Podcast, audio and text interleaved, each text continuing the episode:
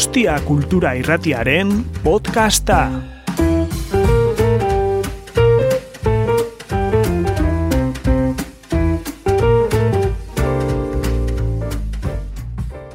Arratxaldeon, eskerrik asko eh, etorri zareten guztioi eta eskerrik asko baita podcastaren bidez entzuten ari zaretenok.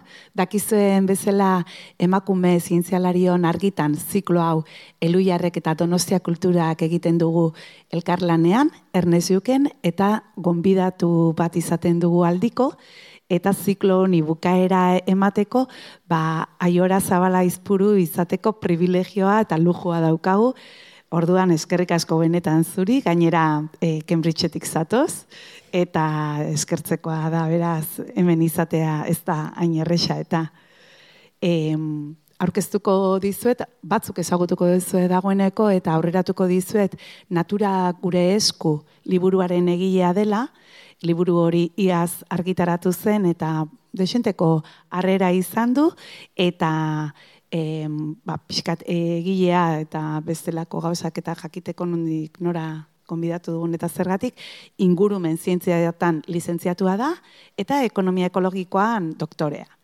Unibertsitateko irakaslea da, Nature Sustainability zientzia aldizkariaren editore ere izan zinen, ez da, lau urte, zokerrezpanago, eta divulgazioan ere aritzen zara, bueno, ba, hemen ikusi dugun bezala, irratian entzuten zaitugu, mhm beti ba, ingurumena, jasangarritasuna eta giza zientzien inguruan ez da. Eta gaur ere, ba, hortaz arituko da. Hasieran galdetuko diogu pixka da, beti bezala egitura bak zein den, bera ezagutu nahiko da, nola iritsi den zientzia mundura eta bereziki ba bere arlora, e, zer gertatu zaion e, zaiena eta nola gainditu duen eta zertan dabilen orain. Gero eskatuko diogu mesedez, ba, bere arloaren ba, erronka nagusia zein diren eta mugarriak eta pixkatorri buruz ere itzengo du, liburuan azaltzen diren gai eta zebai, eta bukaera ba, literaturari ere egingo diogu pixkat e, kuku bat, ba, badakizue, ez dugula sinesten bi munduen e, arrakala horretan, ez, ez daude bi kultura, dana bat eta, eta hori erakusteko, ba, aipatuko dizkigu bere liburu kutxunak. Eta azteko, ba, oixe, en, ba, nundik datorkizu ingurumenarekiko kezka eta ardura? Bueno, eh, mi eskerrana, gonbidapenagatik eta mi eskerren hoi ona etortzeagatik, asko posten naiz hemen egoteaz, e, eta bidaia politia izan da Cambridgeetik ona etortzea, eta bueno, benetan merezi du ez. E, bueno, aipatu juzu hainbeste gauza ja da, ez, nire mm, ibilbideari buruz, eta non hasi zen ibilbide hori, non di datorren ingurumenarekiko ardura hori, ba, bueno, ni neu batzutan e, galdera hori egiten dio nere buruari eta ez dakit oso ziur. Gauza guztia bestela ez dago arrazoi bakarra ez, baizik eta nik uste e, txikitan ikusi ditudan e, gauza asko izan dira ba, alde batetik e, familiatik ez, ba, nire, nire gurasoa, ba, ja, e, orai dela bia markada, ja saiatzen ziren birziklatzen etxean. Gero bestalde, ba, bueno, e, laro garren, mila da behatzen da, laro garren amarkan ere, izan ziren olako e, informazio kanpainak, ez? Ba, adibidez, e, gorostia babesteko, edo suteak ekideteko, eta horrelako gauza, ba, oiek markatzen zaitu, ez? Ume babezela. Eta baita ere, ba, bueno, e, ni irunen hasi nintzen gehien bat, eta eta hor, ba, bueno, bizi gara, o bizi ginen, itsasoa eta mendian artean, baina baita ibaiaren artean eta autopistaren artean. Eta baita ikusten genuen, ba, Europara joaten den trafiko guzti hori, ez? Kamioi guzti hori. Eta bueno, hori ikusita, e, kamioiak eta baita ere e, egazti migratzaileen puntu interesgarria dare bai, ez? Hori ere ikusten zen nire eskolatik. E, ba, bueno, mm, urtetan zean ikusten dituzu zure inguruan aldaketa handiak, ez? Garaperaren aldaketa handiak. Eta hori, e, zu lehenagoari ginen e, izketan ana nola zu oso behatzaile ona zarela, ez? Ba, ni txikitan ere bai e, asko gustoko nuen gauza begiratzea, ez? Gauza txikiak, insektuak, ez da, Eta orduan, ja, konturatzen zara zure inguruan gertatzen dena, ba... E, Gustatu zai friki ez esateko hitzori, bai? Behatzaile fina ondo? Behatzailea, hori da, hori da, ba. Gure inguruan dakagun guztia hartzea, ez?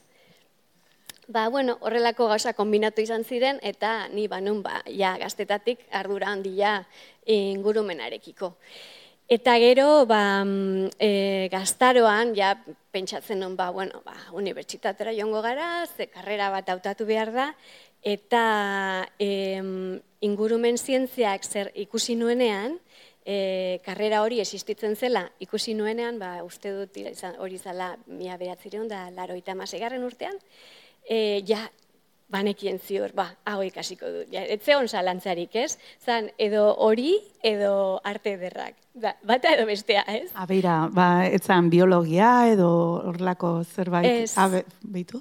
Bazun, bazeon horrelako motivazio bat, ez? Ba, ba nun e, naia edo desioa, ba, mm, natura babesteko zerbait egiteko. Eta, bueno, mm, garai hartan, ba, asko pentsatuko lukete hori biologia egitea ez. Nire kasuan, nahi ez, ez, ez nun interes partikularrik horretan, nahi gehiago gustatzen zitzaidan matematika eta fizika, baina banekien ez, e, ingurumen zientziak horrelako karrera e, anitza ikasita gauza asko ikusiko nitula. Hori da, ze, igual jendeak ez daki, baina benetan, ingurumen zientziatan, beste disiplinatako e, kasgai asko biltzen dira, bai? eta adibidez hitz egingo dugu, baina ekonomia ere bai, esate baterako. Hori da. Eta oso importante gaina. Bai, bai, horri ikasten genuen, ba, denetarik, ez? Ingurumenarekiko eh, kimika, eh, biologia ere bai, ingenieritza, eh, bai, gauza pila bat, eta gizar, eh, gizazientziak ere bai ikasten genituen, eta horrek ere eraman induen pentsatzera, ba, eh, naturzientziak oso politia dira, nahi izugarri gustatzen zaizkit, baina zerbait konpondu nahi baldin badugu, ez? E, ingurumenarekiko harremana konpondu nahi baldin badugu, hor badago zer egiteko handia giza zientzietan. Bai ditugu irten bide teknologiko pila bat, badugu ezagutza ona ingurumenaren ingurumenari buruz, baina em, gizartea eta gizartearen harremana naturarekiko eta gizarte gizakien arteko harreman horretan dago gakoa, ez? Ingurumen politikak implementatzeko implementatzerako orduan. Eta horregatik joan nintzen ba, pasatzen giza zientzietara, ingurumen giza zientzietara. Bai, e, bueno, nik nuen ezagutzen adibidez, baina ingurumen psikologia ere badago, eta logika guztia dauka, ba, esan duztunagatik, azkenean gure jarrerek eta e, gure politikek, jarrera horiek gero politikatara eta e, egitasmotara eramaten direlako, ez da, ba, erabateko e, garrantzia daukate eta ezinbestekoak dira gainera, ba, zerbait hori konpondu nahi balimada, edo behintzat gehiago ez okertu. Edo horretan, ez da? Bai, hm. Eta topatu zenuena zan, justu bilatzen zenuena, edo batzutan izaten da ez, e, espero duzuna ez dela inbest, eta pixkat hortan desbideratzen zea, zure kasuan. Hori bai oso galdera interesgarri alde batetik zeren, esan dudan bezala ez, karrera egiterakoan, hautatzerakoan oso argi nuen, baina karrera bukatzerakoan enuen oso argi. Hasi nintzen doktoretza egiten Bartzelonan, urte bat eman nuen bertan, E, baina denbora gehiegi Emanuela pentsatzen nuen. Jende, jende asko ezagutzen nuen, oso gustora sentitzen nintzen, baina pentsatzen nuen, ba, zerbait gehiago ikusi behar dugu, ez? Zerbait gehiago ikasi behar dugu. Eta orduan izan nuen aukera joateko ingalaterrara beste master bat egitera. Eta horrela, e, egin nuen master bat ingurumen politikan, e, Oxford Unibertsitatean, eta gero hori, e, e, nala, e, gobernuko e, diru laguntzakin, eta bar, eta ero beste bi urte eman nitun e, lan egiten, e, sektore pribatuan, eta ondoren ja, itzuli nintzen doktoretza egitera, orduan ja kanbritxera. Doktoretza egiteko autua, bueno, ondo pentsatutako izaten da, askotan, ba, alegin ikaragarria eskatzen duelako, eta hork zerk e, bultzatu zintuen, zerk erakarri zintuen, nola izan zen? Ba, bueno, gara hartara itzultzen baldin badara, hori izan e, 2000 eta sortzi, 2000 eta artean, ba, gara hartan ni, ja, la, egiten nuen lan e, e, etxetik, ez? Tele lana egiten nuen jara. En, oso goiztiarra izan zen. Eta oso erosoa zen, mendira asko joaten nintzen, eta ez, ba, nun denbora horretarako. Baina faltan botatzen nun, e, elkarlana eta ez dakit, kafe artean egoten diren elkarrizketa horiek, ba, kideik, lankideekin eta eta bar horrelako e, solasaldi ez dakit interesgarriak eta faltan botatzen ditun. Bai, inspiratzaiare izaten da askotan, ez? Ba, norberari bururatu ez zaiona, beste norbaitek zerbait ematen dizu, eta ordu narrapatzen dizu, eta horrek egiten du, ez? Ate bat irikitzen dizu. Hmm, hori da, bai, bai. Edo berriak ateatzen direnean, ez? Egunkarietan, ba, hoiek nahi dituzu, komentatu, ba, ezagutzen duzun teoriaren e, inguruan, eta, eta bar, hori faltan botatzen nuen. Eta do, orduan doktoretza eh, egitea aukeratu zenuen, zertan egin zenuen? E, doktoretza berez deitzen da e, lurralde ekonomian, hori da departamenduaren izena, eta bueno, bakoitza egiten du horren inguruan doktoretza moduko bat. Eta ni jorratu nituen gaiak zirela eta eta teoriak zirela eta ba, bueno, doktoretza izan zen ekonomia ekologikoan gehien bat. Hori da, eta hor, ja, ba, lotu zenuen zure interes guztiak, ez da? En, interes horiekin jarraitu duzu irakasle, eta irakasle izatea eta ikertzaile izateaz gain, idazle ere bihurtu zara, aurreratu dugun bezala. Eta hori hor badago koxka bat, edo ez, edo oso bide logikoa da, ez dakit?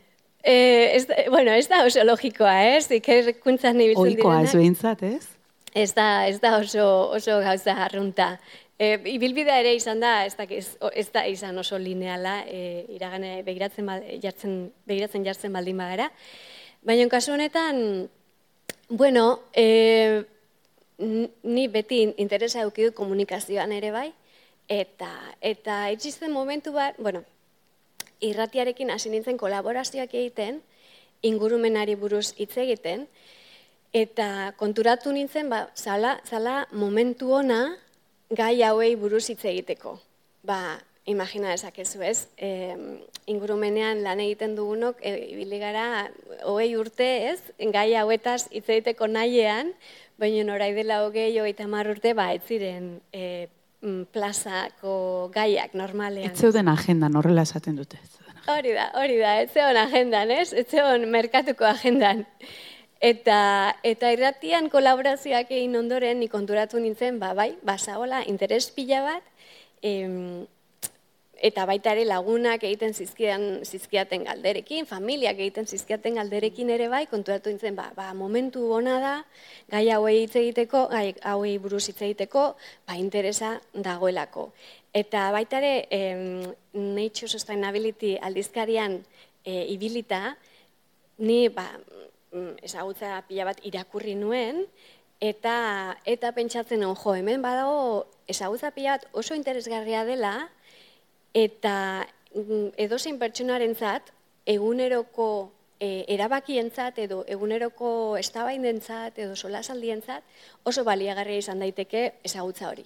Hori da, ez da, azkenean da, gizarteratzea ezagutza, e, gainera hori eskubide badao, e, giza eskubide nartean, dago danok izan behar dugula eskura ezagutza zientifikoa eta hau da moduat, ez da? Ez da dila gelditu akademiaren edo ikertzaien eskutan bakarrik gizartera ere iriz da dila. Eta hori nola, ba, bueno, liburu baten forman izan daiteke, gratian hitz egita da beste bat, gu orain egiten ari garena beste bat. Hori da, bai. E, ba, izkuntza pixkat aldatu behar da, ez? Ba, akademian horrelako hizkuntza e, jargo, e, jargoia, edo, ez da, e, e, erabiltzen da, orduan, e, zientzialarien zat, berentzat ere batzutan zaila izaten da hori ulertzea, baina askotan e, hor dagoen e, funtsa, e, oso ulergarria da, ba, itza proposekin asaltzen baldin baduzu, edo adibide aproposekin asaltzen baldin baduzu. Igual hori da lan handien mandizuna, e, adibideak topatzea, egitea teorizazio horretatik ba, nola, nola transmititu, zeren bidez, nola pentsatu ez, ba, eragin nahi baldin badut pertsona honengan eta ulertu dezala, eta gero zer egin dezaken horren aurrean, bu, ez da, erresa, gero ikusten duzu, eta ba, liburu normal bat ematen du, baina, klaro, liburu normal batek lan handia duatzean, zenbat e, denbora pasa zenuen honetan. Ba, jo, egia esan, enon horren bestelako denbora eman liburua idazten berez, e, gauza izan zen e, irratiko kolaborazioetarako aste bakoitzerako prestaketa handia egiten nuela, ez? Eta informazioa bilatzen nuen, erreferentziak, historio bat montatzen nuen e, kolaborazio bakoitzerako. Eta gero, bueno, irratian agertzen zen hasian, hogei minutu, eta gauza asko gelditzen ziren kanpoan. Orduan, e, kolaborazio hile bukatu nituenerako, udararen bukaerarako, ja, bazeon horrelako, ba, bueno, estruktura ba bezalakoa. Eta orduan, txe, e, kontua izan, e, bai, e, egin behar izan nuena izan zen, ba, hori kapituluetan idaztea. Eta adibideak aurkitzea, egia esan, hori, galdera hori beste batzutan nahi diate, eta ezen e, oso zaila izan, ez bat ere, oso, oso esperientzia politia izan zen, e, horrelako liburuak kreatibitateari toki gehiago ematen diotelako, ez? Artikulu zientifikoak idazterakoan, e, idazten dugun guztia, izan behar du, ez dakit, hizkuntza bateki, izan behar du... Bai, oso zurruna da, dauka egitura ja egina, eta egitura horri jarraitu behar diozu, eta hortik ezin atera. Hori da, eta ezin duztu zure personalitatea hor jarri. Baina liburu honetan bai, e, hori, e, hori gertatu zen, ez? Adibideak nik hartu nituen ba, nire bidaietatik eta bizipenetatik, eta, eta ni askotan mahaian launekin edo familiakin egiten nuena, ba, liburuan bertan egin nuen. E, ba, ni, ba, batzutan familiari kontatzen ba, ez dakit, Guatemala mendian ibili ginen garai hartan, ez dakit gertatu zen, ba, zer. Eta orduan adibide hori hartu, eta e, liburuaren historiora moldatzen nuen horrela nahiko organikoa izan zen. Bueno, irakurri ez duena, ja badaki, o beraz ez dela aspertuko, oso entretenigarria egingo zaiola, dena ulertuko duela, primeran, eta gainera oso lotuta ikusiko duela, bere eguneroko tasunarekin. Uztet, hori dela daukan e, baliorik handiena. Benetan, dala gure bizi moduakin, ba, guztiz bat, datorren kontakizun bat, eta orduan, ba, barruan ikusten duzu, ez da, zure burua, ez da, zerbait ezatezula, hau ez doan erekin, ez? Mm Bueno, zorionak. Ez esan den bezala gauza hauek errexak ematen dute, baina. Ta gero, eh, idatzita zegoen, baina ordurako jaba zenuen argitaratzeko bidea, edo ondoren izan zen, hori? Nola ba, egiten da?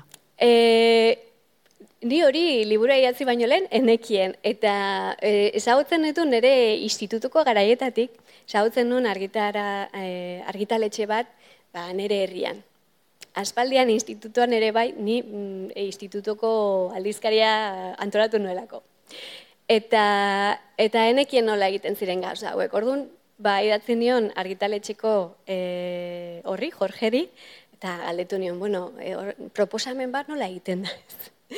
Eta, eta bueno, justo koincidentzia oso politia izan zen, ba, beraie bazutela interesa ingurumenari buruzko e, gauzak ateatzeko, eta, eta bueno, hor pizkat ere organikoki atea zen, da berak izan ziren, ah, bai, bai, aurrera, aurrera.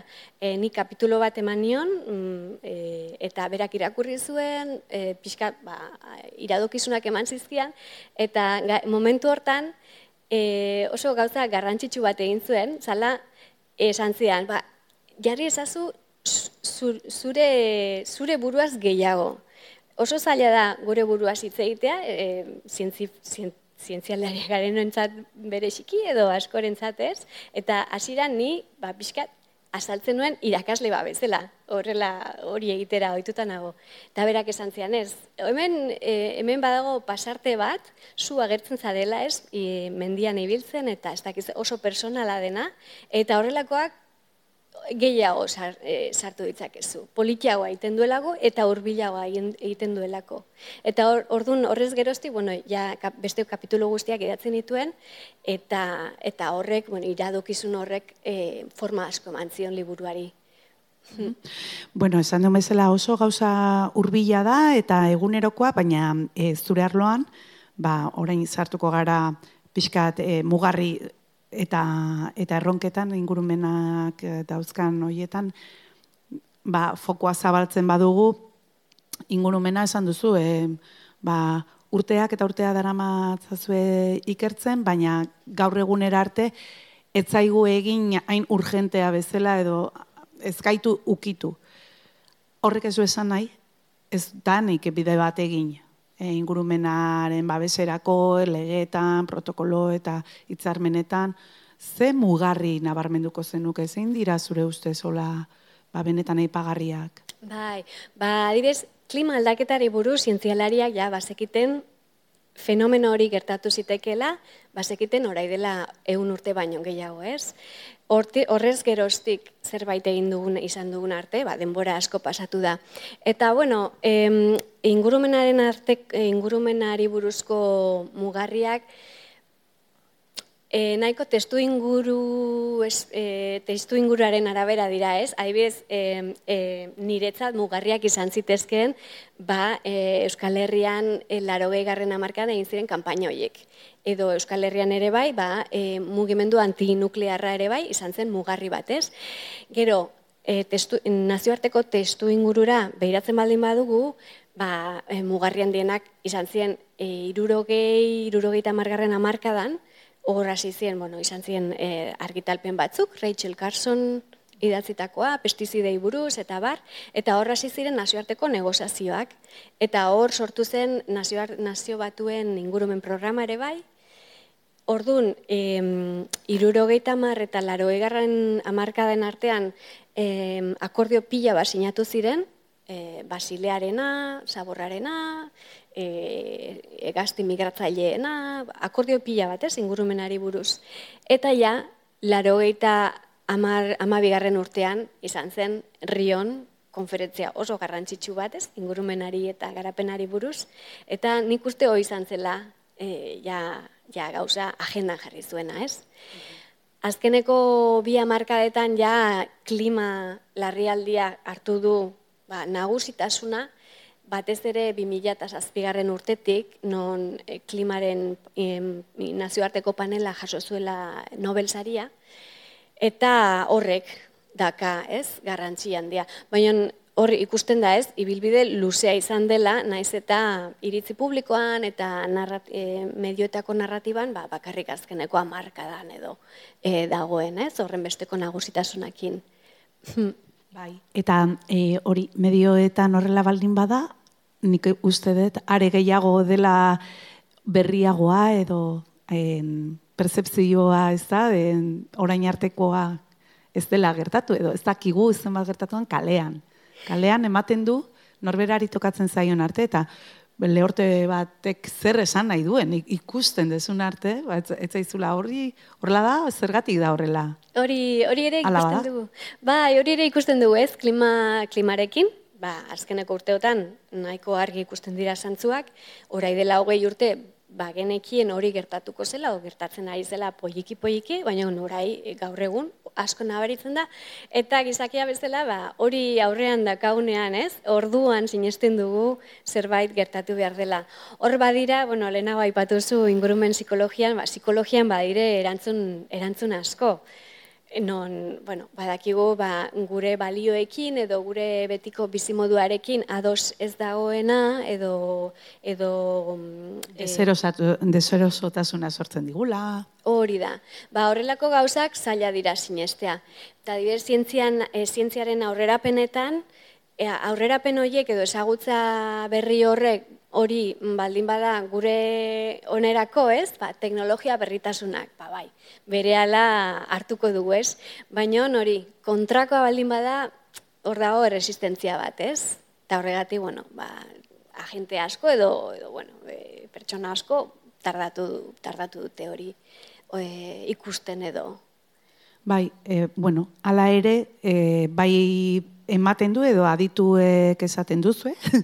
en mugimendu negazionista indarra galdu duela. Ja, e, ez, ez zintzaio uko egin ez, errealitateari eta klima aldia gertatzen ari dela, ja ez dute ukatzen. Hori, normal, leno zegoen negazionismo mota hori ez dago. Baina ba omen dago, negazionismo berri bat eta da, en, irten bideekiko negazionistak izatea, ez da? Hori ze, ze mugimendu klase da, edo, no? Zerta, zertan oinarritzen dira, eta... Hori da, hori da, orai dela gutxi ateatako ikerlana bat, ikerlan bat, eta hor ikusten dena da, e, klimarekiko negazionismo hori gutxituz doala, eta hori gutxituz gutxitu ala, eh, handitzen ari dela irtenbideekiko eszeptizismoa, ez? Ba, ja, ja zailagoa da aurkitzea edo zailagoa da inorentzat esatea klima aldaketa ez dela gertatzen, baina beti dago em, horrelako e, ekimenen aurka egongo dena, ez? Aurka egoteagatik nik esaten dio, e, izango ditu bere, bere arrazoia, bere interesak. Eta, bueno, aurkakotasun hori mantentzeko argudio berri bat atea behar dute, zeren klima negazionismoa ja ez da, ez da argudioa ikusten dugulako, ez? Eta hori da, ba, mm, politika prozesu batean urrengo, urrengo pausua. Lehenengo da, agenda eratzea ez, hau, hau arazo bat da edo ez, hori da, lehena esaten zutena, etzela arazoa, orai bai, badakigu arazoa dela, eta urre, politika prozesuan urrengo pausua da, irtenbideak ateatzea. Orduan, bueno, aurkakotasun argudio hori esaten du, horrek esaten du, ba, proposatzen ditugun irtenbideak oso garestia direla, edo ez dutela funtzionatuko, edo berandu gabiltzala, edo horrelako, bueno, edo zein argudio, ez? Bai, adibidez, guain dela gutxi, e, horrekin lotuta irakurri nuen, e, Jack Marley, de Conversationaleko ingurumen atalaren editorea da, eta esate zuen, klimaldaketaren aurkako borrokari buruzko hiru mito nagusien arabera, energia berriztagarrirako trantsizioak etxeetako fakturak areagotzen ditu, garezti ateratzen zaigu, gobernuaren diru laguntza handiak eskatzen ditu, eta langabezia masiboa sortzen du kezka horiek guztiak zorionez, faltsuak dira. Horrekin e, batzatoz.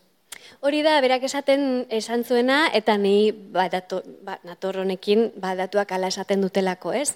Lehena, lehenengoa ba, e, garestia dela, e, badakigu gaur egun eguzkia eta haize energia diela edozein, beste edozein iturria baino merkeago. Hori da, zenbakiak esate dute. E, hemen arazoa da pixka ba, e, bidearen e, menpekotasuna daukagula, ez? Ba, itugu instalazio pila bat beste energia iturriekin eta zaila transformazioa egitea. Baina merke, merke dira. Gero, um, bigarrena zan... E, Hori, diru laguntzak ez. Eta hori horretan ere behiratu behar dugu ba, erregai fosilen industria baitu, baitu diru laguntza pila bat, eta beste industria kaltegarriak ere badazkatela. E, argudio horrek zer, zer du atzetik, ba, igual em, esango, esan genezakela, ba, diru laguntzak endu behar dira sektore batetik eta beste batera sartzea, ez? Eta igual, ba, sektore horrek ez du nahi diru laguntza horiek galtzea. Eta gero langabeziarena oso gako e, garrantzitsua da, ez? Eta hemen, bueno, mm, lana norbaitek egin behar du, naiz eta bez, berriztagarrietara pasatuko garela, norbait egin behar du lan hori, ez? Eta adibidez, orai dela gutxein genuen e, ikerketa bat e, Eskoziako erregai fosilen industrian, eta haien artean hori da kezka handienetako bat. Zer gertatuko da, bertako komunitateekin, ba, langile asko dauzkatelako erregai fosilen industrian, ez? Eta hor, e, irten bidea zer da, ba, e, langile hoiei, e, eskuntzaren bitartez, e, beste lan berriak e, aurkitzen laguntzea, ez? Langile horiek badituzte e, habilidade pila bat eta eta espezies espezializazio oso ona, askok e, habilidade horiekin erres pasatzen aldira industria berrietara eta horren erres pasatzen ez direnentzat, ba, e, hor dago ba, gobernua eta enpresek egin dezaketen e, paper handi bat eskuntzaren bidez. Trantzizioa ez du esan behar bakarrik energia iturrietan, baita ere, ba, esaten ari zaren bezala, e, pertsonen enplegotasunen eta bestelako azpigituretan, eta esaten dugunean ez, trantzizio ekologikoa asko ere gauza gehiago hartzen ditu. Hori da, e, energia transizioari begira, ez da bakarrik berriz da garrietara pasatzea, baizik eta energia efizientzia, handitzea, e, hori, hainbat modutan ez, e, garraioan edo, edo zein e, modu askotan, eta baita ere gizartea in, erregai fosilen inguruan zegoen gizarte antolakuntza hori ere, ba, pixka nolabait transformatzea. Zu justu e, liburuan horti jo duzu, e, ba, pertsonen egunerokotasunera, leno esan dugun bezala, eta e, nahi izan dezu edo, edo mat, bai, garbi ikusten da, katastrofismotik eta eta immobilismotik urrundu nahi izan dezu. Hoiek ez dira aukerak zuretzako, katastrofismoan eroritzea edo gelditzea paralizatuta. Horren kontrako jarrera erakusten dezu eta jarrerak dira gehien bat, ez da? E, mugitu beharko liratekenak edo hor eragin daiteke. Bai, ba, em, katastrofismoa ez da aurkakotasuna kontrakoa, baizik eta hori gainditzeko, ez? Dere, ni mom, mm, egoera horretan egon naiz bere garaian. E, iristen da momentu bat, ba, e, edo zein gauza ikuste duzula zure inguruan, eta gauza hoien impactua ikuste duzu, ez? Boligrafoarena, botillarena, edo zer, ez? Eta orduan gelditzen zara, boa, ez, hau da gehiagin niretzat, ez? Eta horretan, ba, reakzio batzu daude, bata da, e, arazoa oso handia da eta nik egin dezakedana oso txikia izan daiteke, os, ez du ezertarako balio, eta beste erreakzioa izan daiteke ba, beldurra, ez, klimaldak eta datorrela ikaragarria dela eta, ba, eta, eta, eta bar. Eta horrek erreakzio hori eragin dezake, immobilismoa. Hori gainditzeko, ba, ba, kide engatik eta, eta lagunen gatik nik hasi duena da, bueno, e, ez du gauzak perfektu izan behar eta hor badira em, e, arrazoi batzuk zein gatik oso baliagarria da bakoitza bere, bere gauzak egitea. Eta arrazoi hoien artean, bata da, adibidez, ba, difusio prozesuak. Portaerak eta, eta ekimenak beti berriak direnean, beti gutxi batzuk egiten dute, ez? Pionero batzuk edo hasten dutenak. Pionero horiek, bueno, hasiera batean hori egiten dute, ba, konbikzioan gatik edo, edo derzoin arrazoien gatik, eta gero, poliki-poliki, jarraitzaileak hasten dira ekimen hori egiten, eta, e, eta azkenean, ba, baldin bada mm, nahiko kopurua gauza hori egiten dutenak, ba, e, ja, e, ikimenaz asko zabaldu daiteke, ez? Eta orduan gaur egiten duen gauza txiki bat, beste batek ikusten du, beste horrek egiten baldin badu hori, beste bik ikusiko dute, ez? Eta horrela zabaldu, zabaldu daiteke. Horregatik nik uste, bueno, horregatik eta beste gaiz, gauza, e, beste arrazoi askorengatik, ez? Pentsatu dut oso garrantzitsua dela bakoitza, ba, e, bere horretan jarraitzea, ez? Ez ditu gauzak perfektu egin behar, oso, oso zaila delako, ez, gaur egon gizartean, baina gutxienez e, asko egiten balditu, bal, e, asko saiatzen baldin bagara gauzak egiten, ba, oroar e, bidearen parte handi bat egin dezakegu.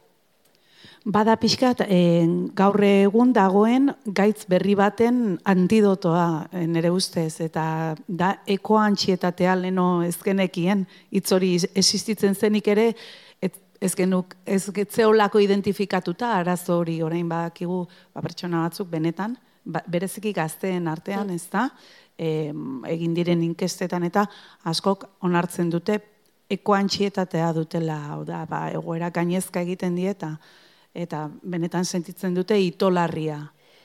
Bai, hori, bueno, hori gertatzen da, eta, bueno, askori gertatzen zaigun herri batean edo bestean, em, horrekin badira em, emozioen talde bat. Mm, lurrarekiko, naturarekiko, eh, bai, planetarekiko e, dauzkagun emozio negatibo talde bat. Bata da ekoantxidadea, bestea da solastalgia deitzen dena, ba, non baiten bizi baldin bagara gure ingurune aldatzen denean sentitzen dugun e, unki, bueno, e, tristura edo horrelako zerbait ez. Eta bueno, emozio horiek agertzen dira, gu gara justo orai horri buruzko e, ikerlan batean e, horri buruzko e, literaturaren laburpen bat egiten eta bueno, on momentuz e, ikerlariak egiten dutena eduguna da e, horiek emozio horiek nola neurtzen e, jakitzen e, nola neurtu e, asmatzen ari gara, ez? Gero, badira ikerlan gutxi batzuk, behiratzen dutena, nola, horrelako emozioak nola gainditu. Eta horiek emate dituzten iradokizunak dira, ba, alde batetik e, hitz egitea, ez? Ez gordetzea, baizik eta e, empatia eukiko duten beste batzuekin gai hoiei buruz hitz egitea.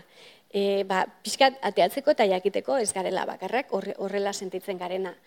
Bestalde, ba, antolaketa, ez? E, zerbait egitea ba, talde baten parte izatea edo edo zerbait egitea, ez? E, naturarekiko zerbait egitea edo gizartearekiko zerbait egitea. Horrek ere hobeto sentiarazi e, gaitzake.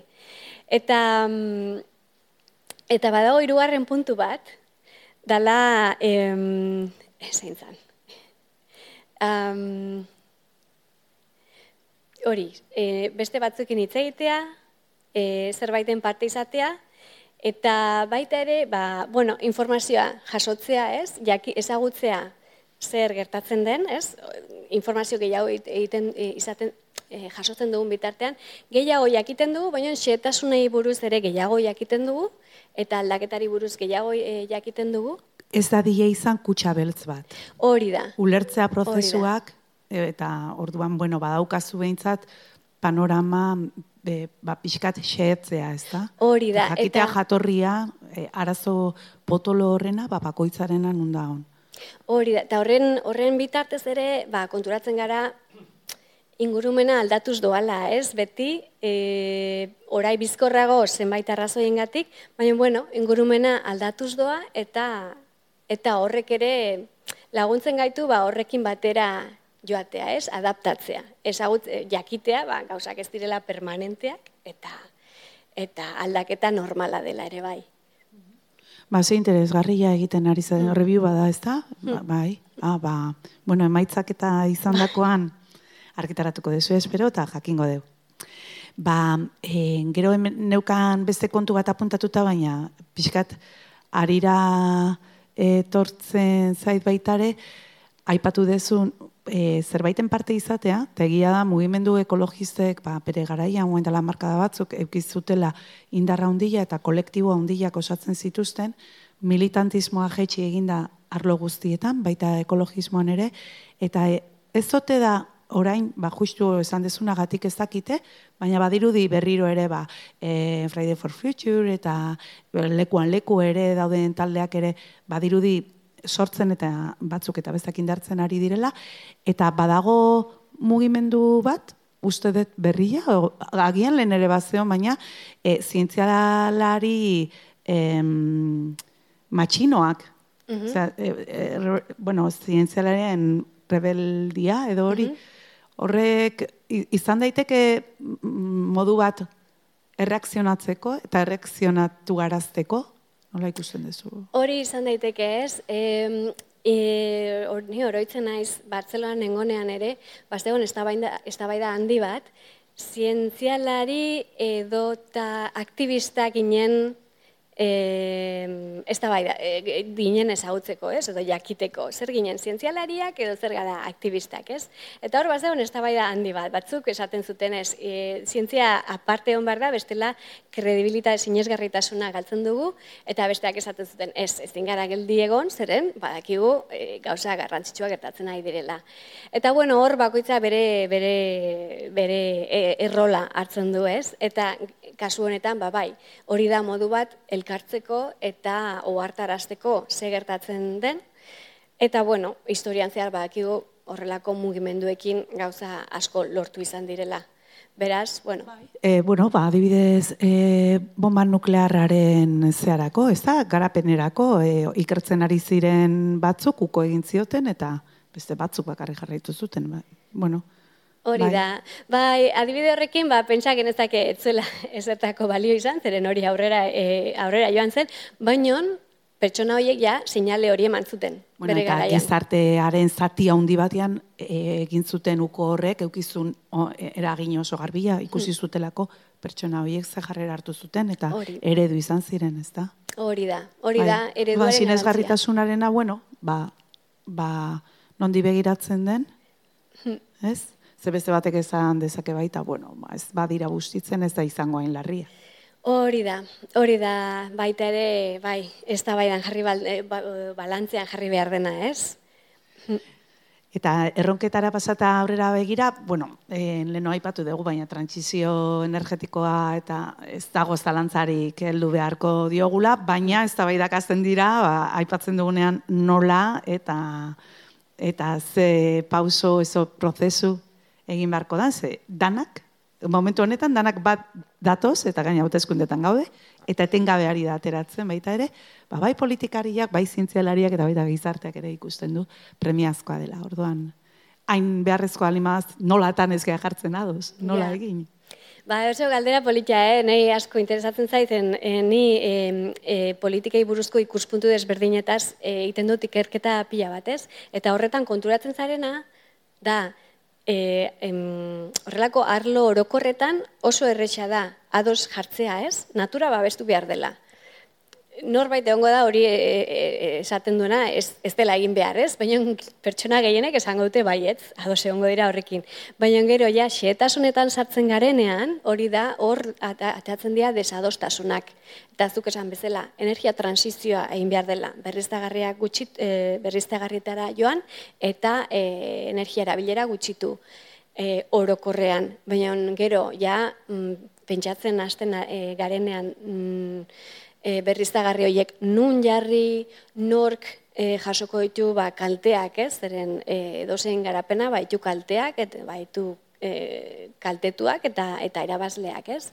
Ba, hori xetasuntan sartzen garenean horretan ateatzen da desadostasunak eta baita ere badago e, impetus handi bat, ba, ez da, adibidez, e, e, kotxen autoen elektrifikaziorako eta bai, e, hori ba, da irtenbidearen parte bat, baina hori bakarrik ez du ez du e, arazotik ateak, ez gaitu arazotik aterako, ez?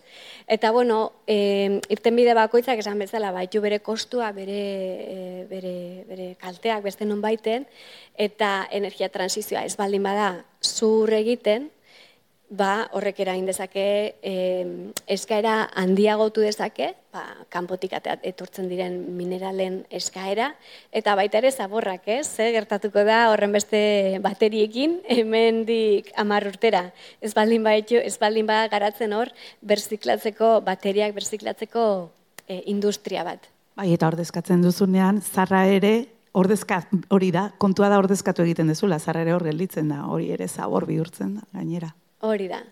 Bai, pentsatu behar da ziklo osoan, ez? E, ziklo osoa, bueno, itxi, alden enean itxi, ezin da beti itxi, zeren e, transformazio horietan beti galtzen da, ez? E, materia pixka bat galtzen da, energia ere degradatzen da, baina nahalik eta zirkularrago egitea, hori hori komeni da. Eta baita ere, badago beste gauza bat, ez? E, igual, ez da ez dela horren beste ikusten, dela, e, energia transizioan, bai, berriztegarrietara jo behar dugula, bai, baita ere energia efizientziara. Eta hori, e, e, nazioarteko klimaren panela, esan zuen oso argi, mm, orai, e, orai, orai dela gutxiateatako e, txostenetan, oso argi esaten du, e, horrek potentzial handia daka mm, mm, e, karbono emisioak gutxitzeko, karbono isuriak gutxitzeko, e, baina ez dela horren beste inbertitzen horretan. Eta orduan, bueno, galdetu behar dugu gure izarteari, gure buruari, zergatik ez da inberte, e, horretan horren beste inbertsiorik egiten, horri, hori ekartzen albaldin badu, ba, alde batetik energia gutxiago erabili behar dugula, beraz, e, e, parke oliko gutxiago, eta baita ere, merkeago ez, fakturan gutxiago ordainduko dugula. Zergatik ez da hori horrei horren beste indarra jartzen. Hori da, e, bueno, galdera handi ban eretzat. Ba, bai, gero horri inbertsioak aipatu dituzula, baita ere eskatzen zuten logika guztiarekin, em, lehen mundua deitzen dioguna, bueno, ipar globalean izan behar dula, gainera, ahalegin haundiena egin behar duena, ba, zorretan gaudelako, ego alde globalarekin. Eta hor dator baita ere, zuk e, lehen aipatu dezu, beti daude kaltetu batzuk, eta kaltetuak historikoki ba, jarraitzen dute izaten lehen zirenak, eta izango dira, gainera. Egiten degunagatik eta egiten ez degunaren gatik. Hori da, esan duzu, aibatu duzu zorraren e, kontua, eta hor dago kontzeptu da dela e, zor ekologikoa, ez? Historikoki, e, e, realde aberatsak, e, realde txir, e, bueno, e, aberastasun ekonomiko gutxiago dakaten herrialdetatik atera dutena, e, e, ba, atera dituzten e, baliabide naturalak, mineralak, eta eta baita ere e, nekazari produkzioa eta barrez, nola aberastu diren Europako herrialdeak, ba, e, karibetik etorritako azukre industriangatik, ez? Edo handesetan dauden meategi hoietatik. Hor badago zerga historiko bat, ez? Ez da hola politikan formalki, ofizialki, baina kontzeptualki oso garrantzitsua da, ez? Eta zor hori handitu egin daiteke, areagotu daiteke, ba, transizio energetikoa eskatzen baldin badu, ba, adibidez, litio gehiago txiletik ekartzea edo beste mineral batzuk gehiago e, beste tokietatik ekartzea, ez? Hori ere e, kontutan hartu behar dugu, naiz eta oso urruti e, gertatzen diren inpaktuak diren, ez? Bueno, baina oso garbi dago eta ikusten ari gara, gero ondorioak globalak dira, beraz, ba, alabearrez pentsatzeko kontuak dira eta erronkak ari garen ez aipatzen, erronka hondienetako bat iruditzen zait justizia soziala dala, ez da? Hmm. Hmm. Justizia soziala, lehenago aipatu dugu alde batetik, dala herrialdeen barnean, ez? Eta hor sartzen da enpleguaren kontua, ez? Ba, e, ez da dila galtzaileak egon, ba, langileak bere lana galtzen dutelako, ez? Hori da herrialdearen barnean. Bere sektorea desagertu den dalako, ba, klaro. Ba, hemen industria automobilistikoak adibidez indar handia dauka. Hori da, eta langile askori ematen dio laguntza, ez? Familia asko eh, elikatzen ditu. Orduan, e, hori oso zur planifikatu behar da, ba, e, injustizia handi batez eragiteko. Hori da, herrialdeen barnean eta herrialdeen artean, ba, dago orai apatutako e, deuda, e, e, zor ekologiko hori, ez? Gero beste erronka bada eh, greenwashingari nola egin aurre. E, da praktika bat ba, oso oso ohikoa eta ikusten dugu baina oso zaila, ez da? Horren aurrian. Bai, eta hori, jo, hori, horrekin e, joan nahi ninteken berriz ere Eskozian egiten ari garen ikerlan horretan, E, hor, e, elkarrezketatu genituen erregai fosilen industriako ba, ez dakit, e, erabakitzaileak, ez? erabakiak hartzen dituzten ba, langileak. Eta, eta klaro, beraien irudietara, ba, bai, transizioa egin behar da, ez? Baina, e, poliki-poliki egin nahi dute, ez? Ba, ikusten dugu bere web aldetan jartzen dutela bai e, jasangarritasuna, ez dakiz zein plana, baki zer, ba, mm, diskurso publikoan dagoelako, ez, narratiba publikoan dagoelako, eta beraie badakitelako garrantzitsua dela, baina ez dute gehiegi egin behar, zeren baitare beraien negozioa babestu nahi dute, ez. Eta hor, zein neurriraino dan greenwashing, edo be, zuriketa berdea, eta zein neurriraino den mm, benetazko ba, ekintza apro apropos bat, hor badago gradazio bat, ez? E, gezurrak esatetik, e, bueno, bai, beste kasutan e, bai egite dutela zerbait, igual ez da nahikoa, ez? Baina badago hor gradazio bat. Eta bueno, igual industria honekin zaila da antzematea, baina beste zuriketa berde hori getatu daiteke ere e, konsumorako ondasunekin. Eta, eta bueno, kasu horretarako badugu gure e, guk ikasitakoa, ez? Ongi irakurtzea, ongi interpretatzea, ez? E, produktuan dago mesua eta bar, eta bueno, pixkat, hor e, e, piztuta ibiltzea, ez? Espiritu kritikoa beti erne, ez? Hori. Bai. E, desazkundea zere hitz egiten da asko, orain arte hori hitz hori ere etzeon agenda politikoan, baina orain bai, ezakitanak berdin ulertzen duten, hor badago ez da bat kontzeptua egokile izan da ere behar bada izena ez dela hain egokia ba batzui mm, zerbait negatiboa ekartzen dire dielako burura okerro bizitze biziko ote direno bizi kalitatea galtzearen ideia ekartzen die. Baina mm, bueno bestela ere ala beharrez gertatuko da azkunde eternoa ez delako posible orduan Hori da, ba, hitz hori ni lehen aldiz entzun nuen, hori Barcelona, norai dela hogei bat urte, eta poiki poiki geratuz joan, joan da, ez da, mm, definizioa ez da oso argia, ez, ba, eta batez ez da, ez definizioa horren beste, baizik eta praktikak. Horretara iristeko praktikak ez dira oso argiak, mm, oso anitza direlako, ez? Eta bai, esan duzun bezala, hitza berez, ba, oso negatibo zentzua daka, ez, batzuentzat, Baina baita ere hitz egin dezakegu beste ideiei buruz dela post askundea edo a askundea, ez? Gauza da hemen bi gauza daude, ez?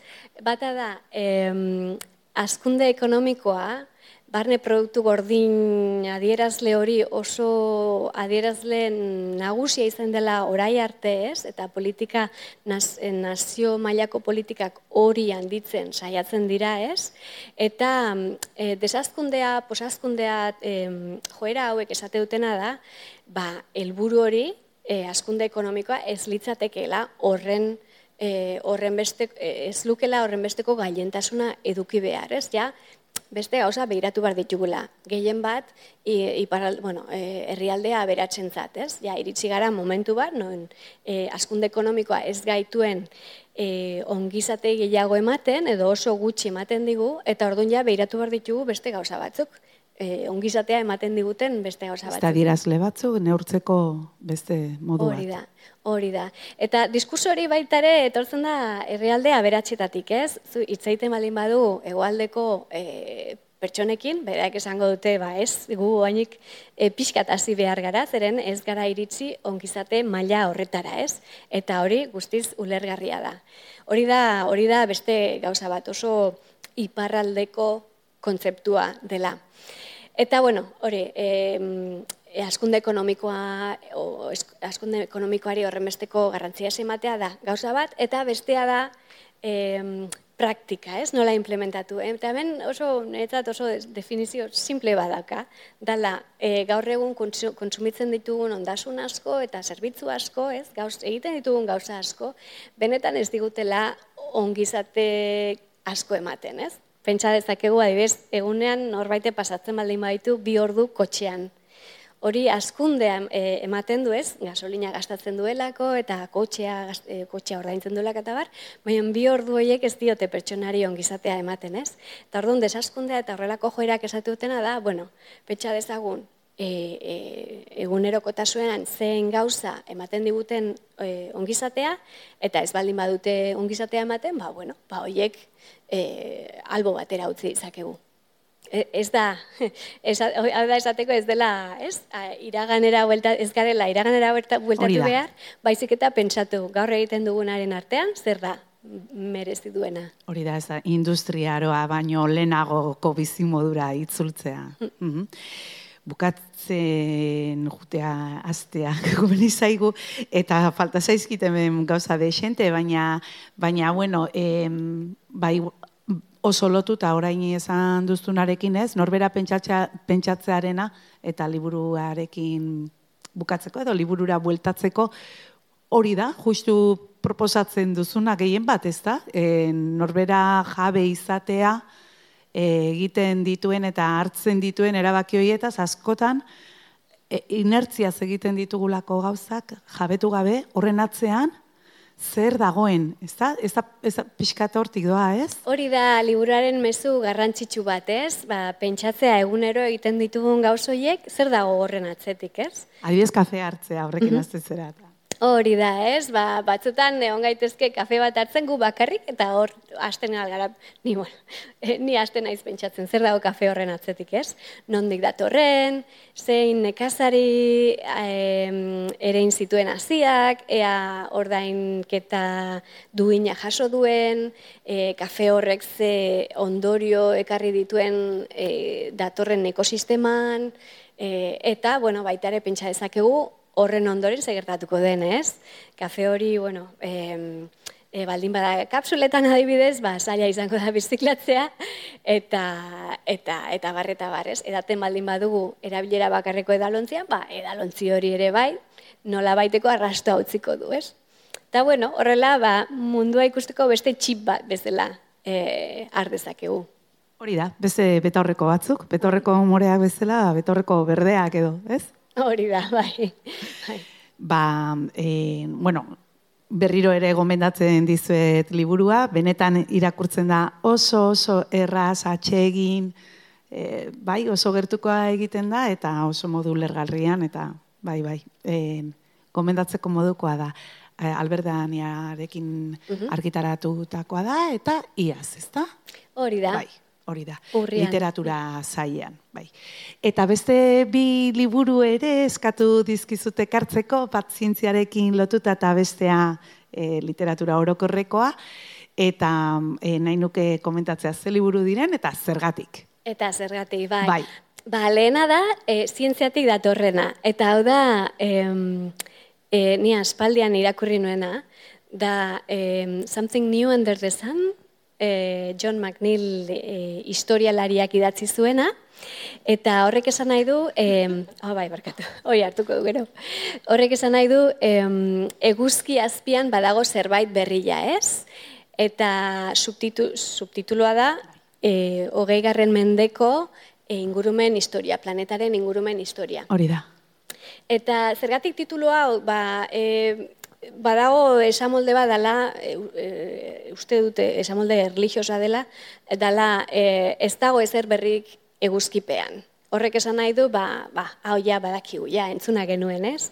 Eta honekin, titulu honekin, izenburu honekin idazleak egin nahi zuena zen, erakustea, bai, badagola zerbait berria, ez? Azkeneko mendean, pasaren mendean, hogeigarren mendean, oso aldaketa handiak izan zirela planetan, Eta, eta bueno, li, normalean historiari buruz hitz egiten dugunean, ba, hitz egiten du gerrei buruz, edo politikari buruz, edo ez dakit ez, horrelako kontuei buruz.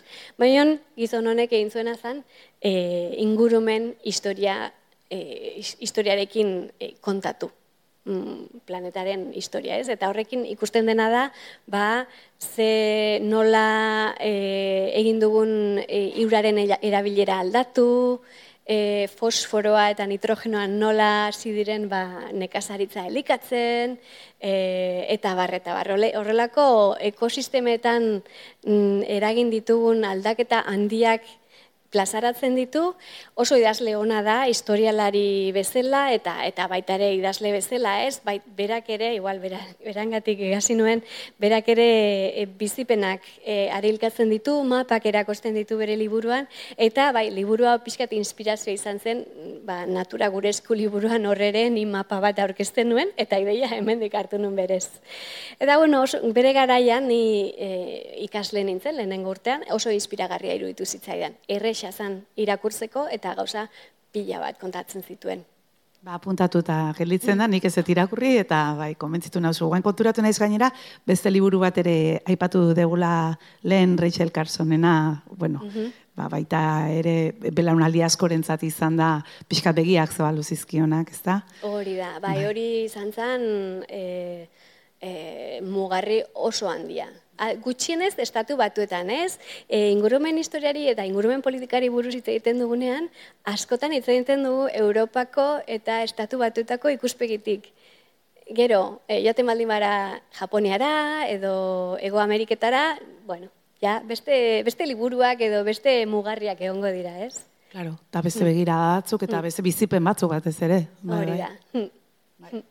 bai, hor, utxune e, nabarmena daukagu oroar, politika globaletan ere hemendik bideratzen direlako, ezta? Hmm, hori da, bai. Hmm, iparraldeko herrialden ikuspegitik hor badago ere lanpila bat egiteke, ez? Hor, zuek adibidez e, ikerketan eta hortan ere bai egon aldaketa bat, ez da? E, badago bilakaera bat. Badago, bai, joera handia, ez? E, gutxienez, ba, e, e, tokia egiteko, beste, beste e, herrialdetatik datozen ahotsak entzuteko. Hori lehenago etzen horren errez gertatzen, eta orai bai, esplizituki alegina egiten da, ba, e, toki guztietako ahotsei, ba, tokia egiteko, entzuteko. E, genero ikuspegiarekin eta eta ezakit sexu identitateekin ere nahiko aurreratu den, edo, bueno, pentsatzen dut horre bidea bintzat hasi da, ez da? Hori da, bidea hasi da gutxienez, ja, eh, hasi da zientzialarien komunitatea eta baita ere ingurumen politiken komunitatea hasi da, bueno, hori onartzen, ez? E, diversitatea da hola, ez? Eta, eta anistasun horrek ematen digu, aberastasun handia, e, ba, pentsatzeko politikari buruz beste modu batean. Bai, azken finean gainera, eraginkorragoa izango dena, eta jende gehiagori egingo diona mese. Hori da, bai. Beste ikuspegi berri batzuk ekarri ditzakegu natura eta gizakiaren arteko harremanei buruz, eta bar. Hmm. Eta beste liburua, literaturakoa, e, bueno, hau ere literatura da, eh? Bai, historia, bai, bai. Horregatik esate, orokorra. hau ere bada literatura, baina zein aukeratu duzu? Ba, bestea da, baita ere ingeles, ez, ez dakit ni itzulita dagola. Eta deitzen da um, figuring, hori da ba, figuratzen edo imaginatzen edo la? Irudikatzen, bai. Eta Maria Popobak idatzi du, Eta liburu hori, bueno, Maria Popoa ni esautzen hon aspaldi, e, zu lehena esan duzu ere bai esautzen zinuela, ba, blog bat idazten duelako. Bloga bera ere gomendagarria, uneri bintzat asko gustatzen zait, eta zientziako arteko gauza pila bat, literaturakoak pila bat izaten ditu. Bai, bai, oso... Oso interesantea. Hmm. Eta, bueno, berak idatzizun liburu bat, ba, bere blogaren estilokoa, ez? E, liburuan arilkatzen ditu personai pila bat, zientzialariak eta literatura oso nabarmenak izan diren personaiak, ez? Azten da Keplerrekin, ez? Astronomian oso izen handia izan zena. Bukatzen du e, Rachel Carsonekin ere bai.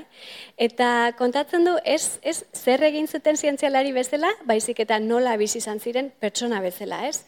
Zein erronka jasan behar izan zituzten, ba, ez dakit.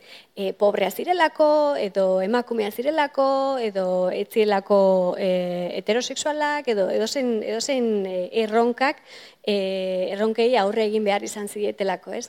Ta liburu hori, horri, e, bueno, e, e, Maria Popoak egin duena izan da, pertsona hauen arteko gutun pila bat irakurrin ditu, ez? Oraindikan ere artxiboetan dagoela eta ordun horri esker badakigu, ba, pertsona bakoitzak non egon zen, Ba, adibidez, e, e, idazle bat egon zela ba, erroman errevoluzio garaian, eta nola e, errevoluzioa mm, berari eragin zion, ez? Ba, horrelako momentu historikoak ere ikusten ditugu liburuan zehar, baina modu oso pertsonalean.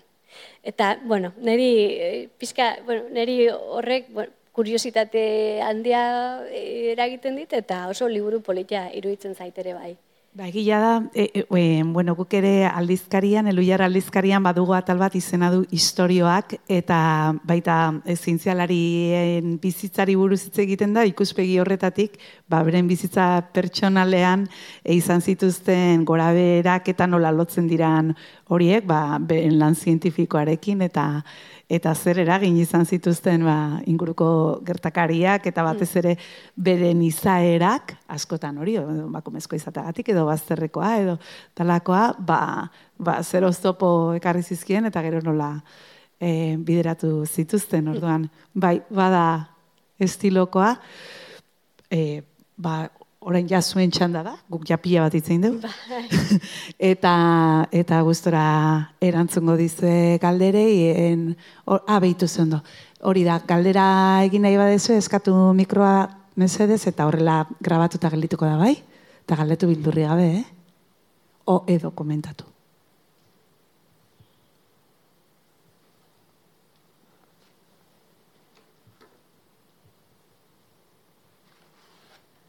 Ba, ez badago gal... Ah, behitu inaki. bueno, zorionak, plazera izan da, benetan, e, orduak pasako nituzke, eta seguro hemen dauden pertsonek ere ala egingo luketela, entzun da, e, zuek biok entzun da, eta galdetu nahi nizun gainea, jakin da, ekonomia ekologikoan aditua zarela, e, bereziki ere e, ingurumenaren arloan. E, epe ertain edo epe laburrean trantsizio energetikoak ze eragin izan dezake aingaratuak ez diren ekonomikoki aingaratuak ez diren herri aldetan. Zeren aipatu dezue behin baino gehiagotan bai diskursoaren markoan kontzeptu ugari geure koordenadetakoak direla eta neurri handi batean erronka hauek ere geure ekonomien e, koordenadekin zer ikusia dute. Eta e, segurazki erronka horiek, segurazki ez, seguro ezin dira e, terminoietan planteatu beste herrialde batzuetan. Baina globaltasunean ikusita, autu hori bultzatzen balima da geure e, ipar, europar e, arlotik, nolakoa izango litzateke edo izango da horretara bultzatzen bali madugu etorkizuna herrialde hauentzat e, eragina. E, aberatsagoak, aberatsagoak, garatuagoak, ekonomikoki onurak izango dituzte edo trantsizio horretan sufritu egingo dute eta zenbait arlotan areatzerago geratu daitezke? Ba, edik uste, bueno, hori e, gertakizunaren arabera eta sektorearen araberako e, e, erantzuna izan beharko litzateke ez. Zuk e, nik uste e, normalean batzuk bai aurreratuko direla ez, ba, herrialde batzuk e, innovazioa eta teknologia eta baita ere ekoizpenean sartu daitezkelako ez, bateria guzti horiek, autoberri guzti horiek, e, e, eguzki plaka guzti horiek norbaitek ekoitzi behar ditu eta horietako askok ez dira iparraldeko herrialdetan gertatzen. Orduan hor ba, izango dira irabazle batzuk, ez? Baita ere bestalde eh hau aipatu bezala, em, estrakzioaren e, muga horiek zabalduko dira eta eta mineral baliabidea dazkaten herrialde horietan ez baldin badago instituzio sendorik ba, bertako komunitateak babesteko hor bai gatazkak ateatzen aldirela. Ez? Ba, meategiak zabalduko direlako eta eta bar eta bar. bestalde, bueno, ni adibide batekin iguala, e, gauza bat argi e, esan nahi nuke ez da. E, transizioaren parte bada gu autoelektrikoetara joatea, ez? Eta hori ikusten da Norvegian. Ja, autoelektriko pila bat daude, ingalaterran ere bai, azkeneko bostutetan ere bai, pila bat e, ugaritu dira, eta eta kargatzeko tokiak ere asko ugaritu dira, ez? Baina oso garestia dira, eta garestiak izango dira e, epe motzean, eta bar. Orduan, horre egongo dira, herrialde pila bat ezin izango dutena, ba, bere auto guztien parke gehiena elektrifikatu.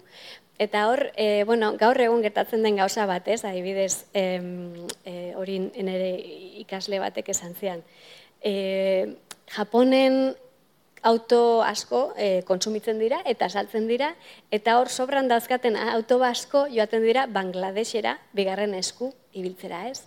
Ba, hemen zerbait antzekoa gertatuko da. Ba, e, herrialdea beratsak pasatuko dira autoelektrikoetarako, orain hemen dauzkagun autoak pasatuko dira beste herrialde pobreetarako, pobreetara, eta, eta transiziori poiki poiki joango da, ez? Izango dira herrialdea beratzenak, ba, e, e, isuriak gutxitzen dituztenak alde horretatik, eta herrialde hori ordaindu ez dezaketen, e, ezin dezaketen herrialdeak izango dira, ba, hori geroago egingo dutenak. Gero beste puntu badago ez, e, e, askotan garapen ibilbidean salto handiak izan daitezkela, ez? Eta, eta hori ikusten da energiaren irisgarritasunean. Ba, Indian edo, edo bueno, e, Moroko egoaldean edo badira herrialde askotan non e, gakoa ez da energia berriztagarriak eukitzea, baizik eta energia eukitzea besterik gabe, ez? Eta e, prozesu horretan egin dezake egiten ari direna hasiko dira, ba, berriztagarrietara joan zuzenean. Eta orduan hor salto bat egitute garapenaren e, prozesuan, eta hori horrek bai e, onurak ekartzen diela, dietela. Eta honekin lotuta, zein da txinaren jarrera honekiko? Zein da protagonista global honen e, jarrera trantzizio energetiko horretan? Ze, ze plan du? Eta globalki zein izan daiteke bere pixua agendan hau bultzatzeko edo bere ritmoa baldintzatzeko. Bai. Eta India, ez da? Txina eta India. Eta India, bai. alboan dagoen India hori ere. India. Ja, berez piztaldego gehien duen e, herrialdea da duela gutxi ez, irakurri dugu datua, beti Txina, beti Txina, baino Indiak are gehiago ditu ez. Bi azpi kontinente hoien ia sortzi mila milioi uste gainditu ditugula oraintxe, eta horren eren bat baino gehiago bi herrialde horietan dago. Eta gainera ez dira e, gure egoeran dauden herrialdeak, baizik eta garapen ekonomiko azeleratu bat eta protagonismo, ez naziorteko protagonismo handi bat dutenak, ez orduan bere interesak, bere ritmoak eta bere gogo eta horren inguruan, e, erabaki horrak izan daitezke, ez? Nola dago hor ez da bai. Bai, ba, aipatu ditugu nazioarteko aleginak, baina zuk esan bezala, Txina badu pisu handia. Eta Txina eta em, estatu batuen artean, karbono isurien euneko berrogeita, berrogeia, edo e, portzentai oso handia esan nahi duten. Orduan, horrek zer esan nahi du, ba, Europak eta beste herrialdeak zerbait egiten maldin badute, ez, em, ez duela horren besteko pisurik eukiko. Eta bi herrialde hauek zerbait egiten baldin badute, Txina eta Erresuma bat, e, eta barkatu, estatu batuak, bai? Um, ordun hoiek, bai, pisu handia izango dutela. Eta ni, bueno, e, horretan baita ere pixka, nola bait, pixka baikorra naiz. Eta kontua da, ba, Txinak, orai dela ja hainbat urte, hasi zela e, filosofia batekin. Eta bere, deitzen diote bere buruari, The Ecological Civilization. E, hori, zibilizazio ekologikoa, ez? Eta bai, bai ja, e, e, botere handiko postuetan ere badago konsientziazio hori, ez? E, garapena behar dugula, baina ingurumena ere babestu behar dugula, ba, horretan oinarritzen garelako.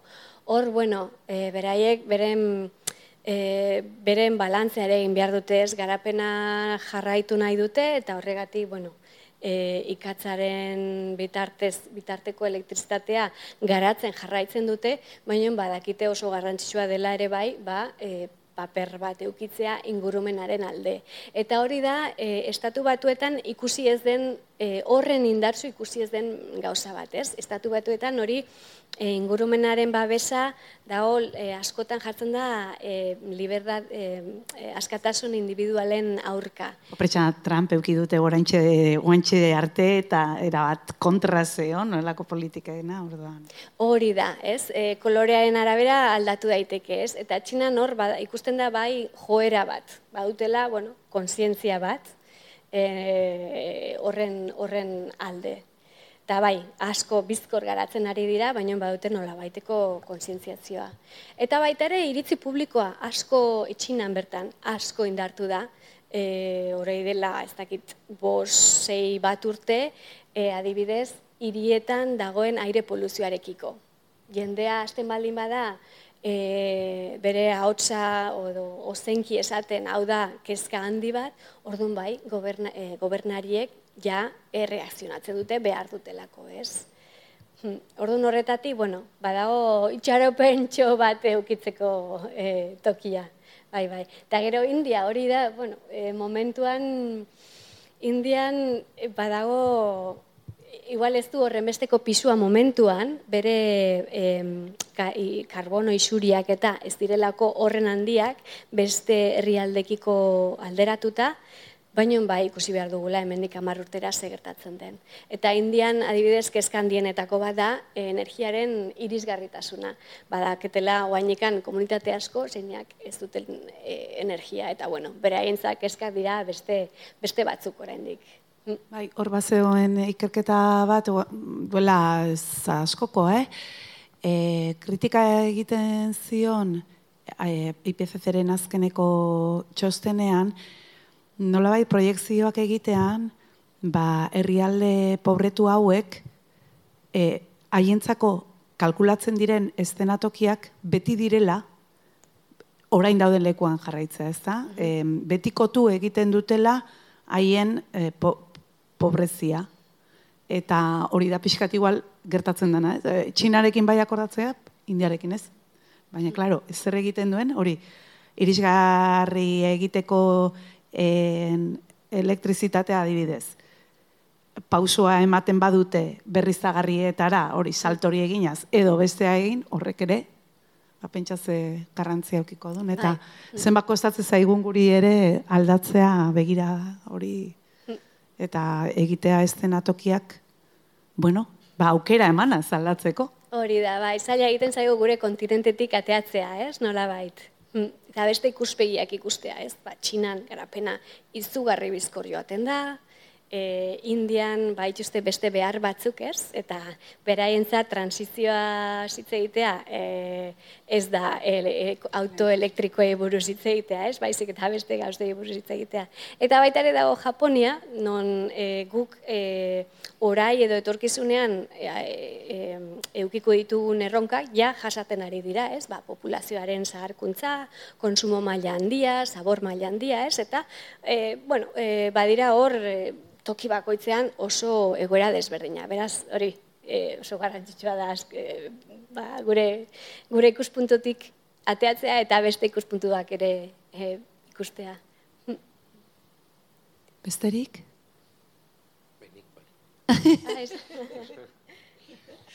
eta e, nola ikusten duzu Frantzia bezalako herrialde batek energia atomikoaren alde oraindik egiten Ui, eta txinak ere badauzka, zentralak... Autua, ez, eta berez Frantziaren interes handiak daude txinan bertara teknologia salduz eta bertako e, zentral nuklearrak e, eraikiz, ez, txinaren, barkatu, Frantziaren autu horrek ere ekonomikoki eta globalki, bueno, ba, aukera batzuk ematen dizkio, zeren badu eroslerik, ez? Baino Frantzia bezalako lurralde batean hain tinko jarraitzea e, energia atomikoarekin, ze, ze irakurketa du Europa batean? Ze irakurketa, oso, bueno. Galdera ona. Ba, eta gai polemikoare bai, ez? Hor badago, e, lehen aipatutako e, bidearen menpokotasun hori. Frantzia badu, izugarrizko industria eta izugarrizko espezializazioa, ezagutza eta bar, eta hor ikusten du e, badaukala, ba, boterea eta negozioa zabaltzeko e, aukera. E, horregatik, horrek bultzatzen gaitu ez, askotan, lehena egin duguna bultzatzen gaitu horrela jarraitzeko. Eta nik uste bere errola da dago horretan. Ba, beraientzat e, aukera ona dela ematen du eta horretan jarraitzen dute. Gero, bueno, energia nuklearen aurkako argudio pila bat daude ez, ba, ez lehena esan bezala, e, aize eta guzki energia ja merkea dira, energia nuklearra oso garestia da, batez ere begiratzen baldin badugu ziklo osora ez, ba, ez bakarrik e, zentral nuklearrak e, eraikitzeko e, kostuetan eta mantentzeko kostuetan, baizik eta desmantelazioan eta zaborrak kudeatzeko kostu dira izugarriak eta normalean proiektua egiterakoan kostu ez dira asko asko nabarmentzen, ez? Eta orduan, di, e, ekonomikoki ez du zentzu askorik, baina bai e, poziziori, herrialdearen poziziori da, dago ba, bide menpekotasun horren arabera. E, ikusten dute aukera bat, dalakoz, e, e, karbono isuriak ez duen edo ia ez dituen e, teknologia bat delako, eta hori klima larrialdearen narratiban ongi sartzen da, naiz eta ingurumen larrialdearen narratiban ez den horren beste horren ongi sartzen. Baina Europako batasuneko azkeneko onartu dute momentuz berden mantentzea, ez da? Hori da, hori oso erabaki, bueno, e, e, polemikoa izan zen, eta hemen argi, gauza bat argi e, gelditu behar zena zen, erabaki hori ez dela definizio zientifiko bat, baizik eta definizio e, finantzetan egiten den definizioa. Hala ere, e, eta hori horrela da, eta, eta baita horrela izan behar du politiketan e, e, ikuspegi zientifikoa baino, beste batzuk ere kontuan hartu behar direlako ados. Baina iruditzen zaizu zuen zure arlotik, eh? zuen lanak gaur egun badaukala eragin politikoa handiagoa lehen baino ala ez? Hori zaldatu. E, bai, nola, bai, igual neria berez ez, baina e, nire lankidena adibidez, bai, eta hor badago adibide polit bat ez. Alde batetik, ba, gaia e, oso nabaria delako ez. Klimari buruz, Mm, asko hitz egiten dugu gaur egun, ordun horri buruzko zientziaz asko hitz egiten dugu, ba, e, pandemian zehar e, osasunari buruzko zientziaz asko hitz egiten genuen bezala, ez?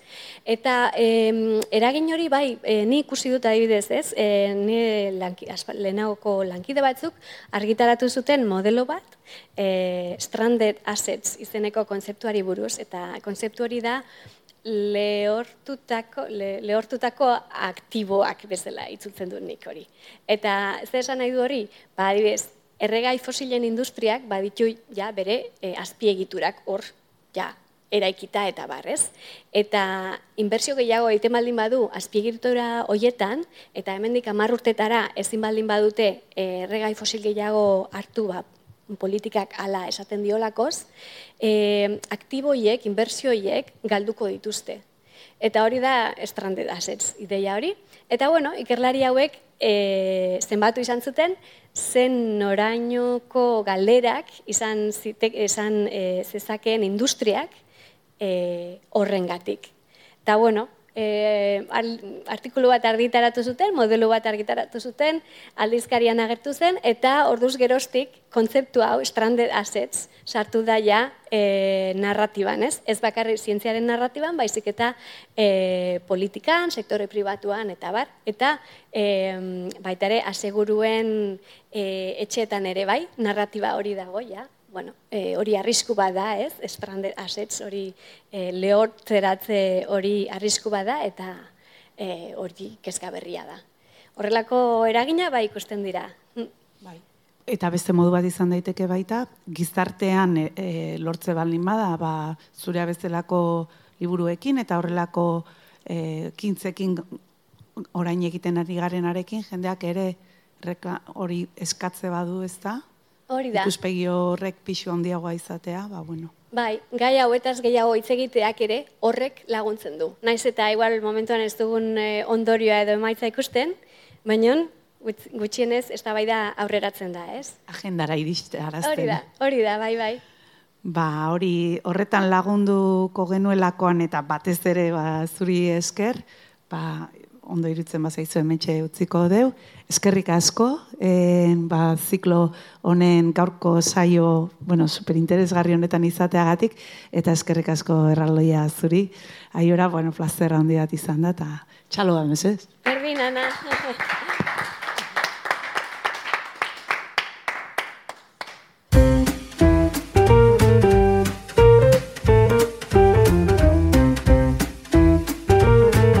Donostia Kultura Irratiaren podcasta.